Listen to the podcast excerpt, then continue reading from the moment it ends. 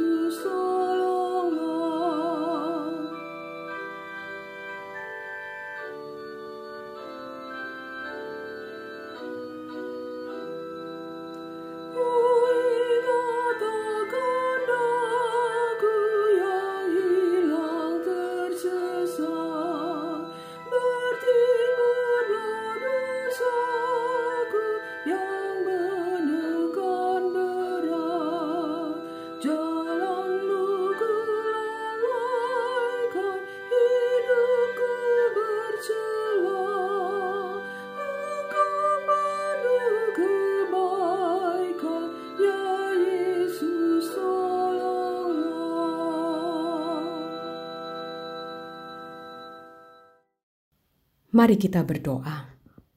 Bapa yang baik, pada saat kami membaca, mendengarkan, dan merenungkan firman-Mu, kami mohon agar Engkau berkenan menerangi dan memberi pemahaman yang benar kepada kami apa yang harus kami mengerti dan lakukan dalam kehidupan kami. Terima kasih Tuhan. Dalam nama Tuhan Yesus kami berdoa. Amin. Renungan firman Tuhan pada sapaan damai sejahtera hari ini 22 Maret 2022 diambil dari Roma pasal 2 ayat 12 sampai 16 dengan tema tidak ada yang tersembunyi. Bapak Ibu bisa membacanya dengan lengkap, saya akan membacakan ayat 16 saja. Demikian.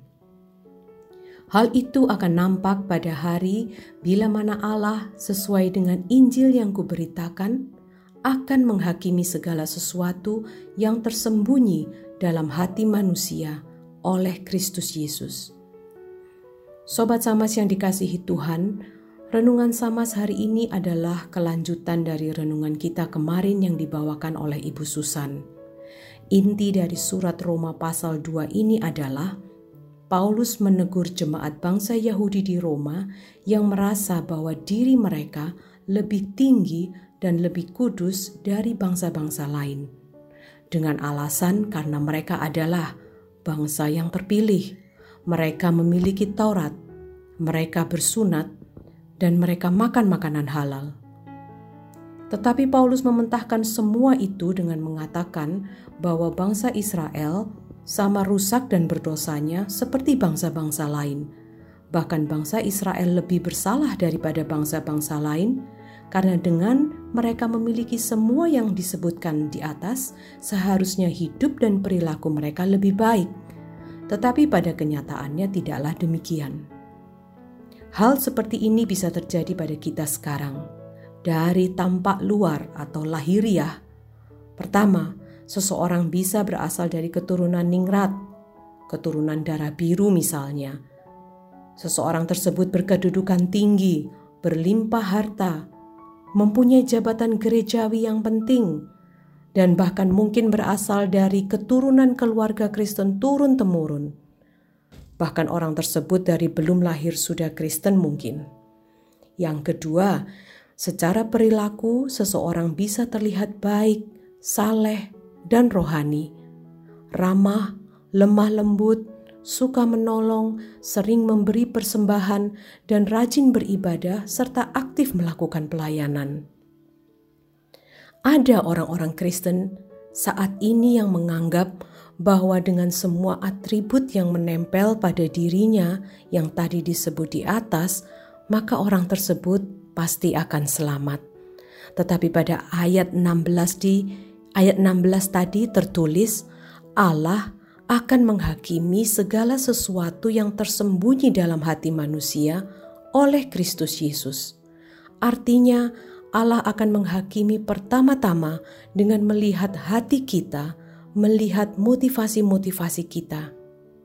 Kata-kata dan perilaku kita bisa terlihat baik dan menyenangkan. Kita bisa terlihat sebagai seseorang yang penting, seseorang dengan keturunan yang dibanggakan atau membanggakan dibanding dengan orang-orang lain. Tetapi kalau kita lihat ke dalam, ke dalam isi hati kita, ke dalam pikiran kita, yang jika dengan jujur kita ungkapkan, sebenarnya di situ ada amarah, ada kedengkian, ada iri hati, ada pikiran-pikiran kotor dan jahat. Dan Tuhan tahu dan melihat semuanya itu. Tidak ada yang tersembunyi di hadapan Allah. Bagi saya, ini adalah kenyataan yang menggetarkan. Roma pasal 3 ayat 10 dan 12 menuliskan demikian. Seperti ada tertulis, tidak ada yang benar, seorang pun tidak. Tidak ada seorang pun yang berakal budi, tidak ada seorang pun yang mencari Allah. Semua orang telah menyeleweng, mereka semua tidak berguna, tidak ada yang berbuat baik, seorang pun tidak. Karena itu, sobat Samas, mari kita tidak menganggap diri kita lebih tinggi atau lebih rohani atau lebih layak atau lebih penting karena hal-hal yang tadi disebutkan di atas. Karena di mata Tuhan, kita semua sama, siapa pun kita. Kita adalah orang berdosa yang tidak bisa menyelamatkan dirinya sendiri dan perlu diselamatkan.